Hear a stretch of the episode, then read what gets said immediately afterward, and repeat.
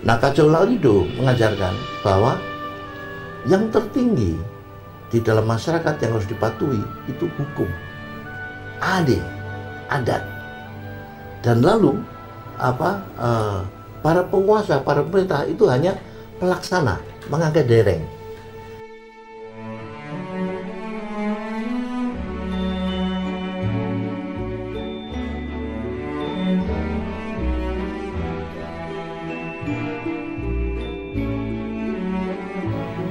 Maka itu di Sulawesi, di Sulawesi kan dinasti-dinasti nggak banyak.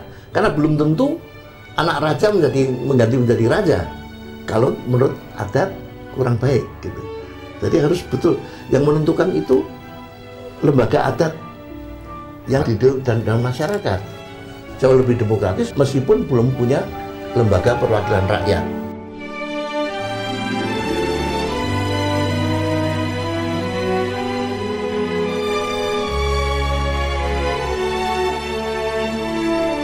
Tapi di Toraja misalnya, kalau itu dulu ada di atas, puang di bawahnya, masyarakat di bawahnya lagi.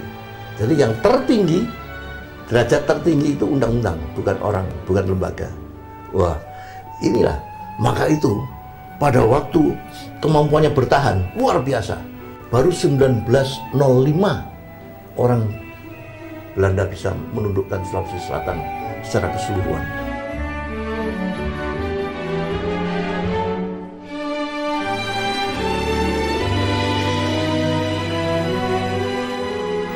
Itu pun karena sudah ada kapal uap mereka ini.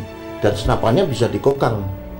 Dan bahkan ada water mantle itu metal ini apa uh, orang Sulawesi nggak punya. Nah, baru Yang scientific technology yang malah Adat. Nah,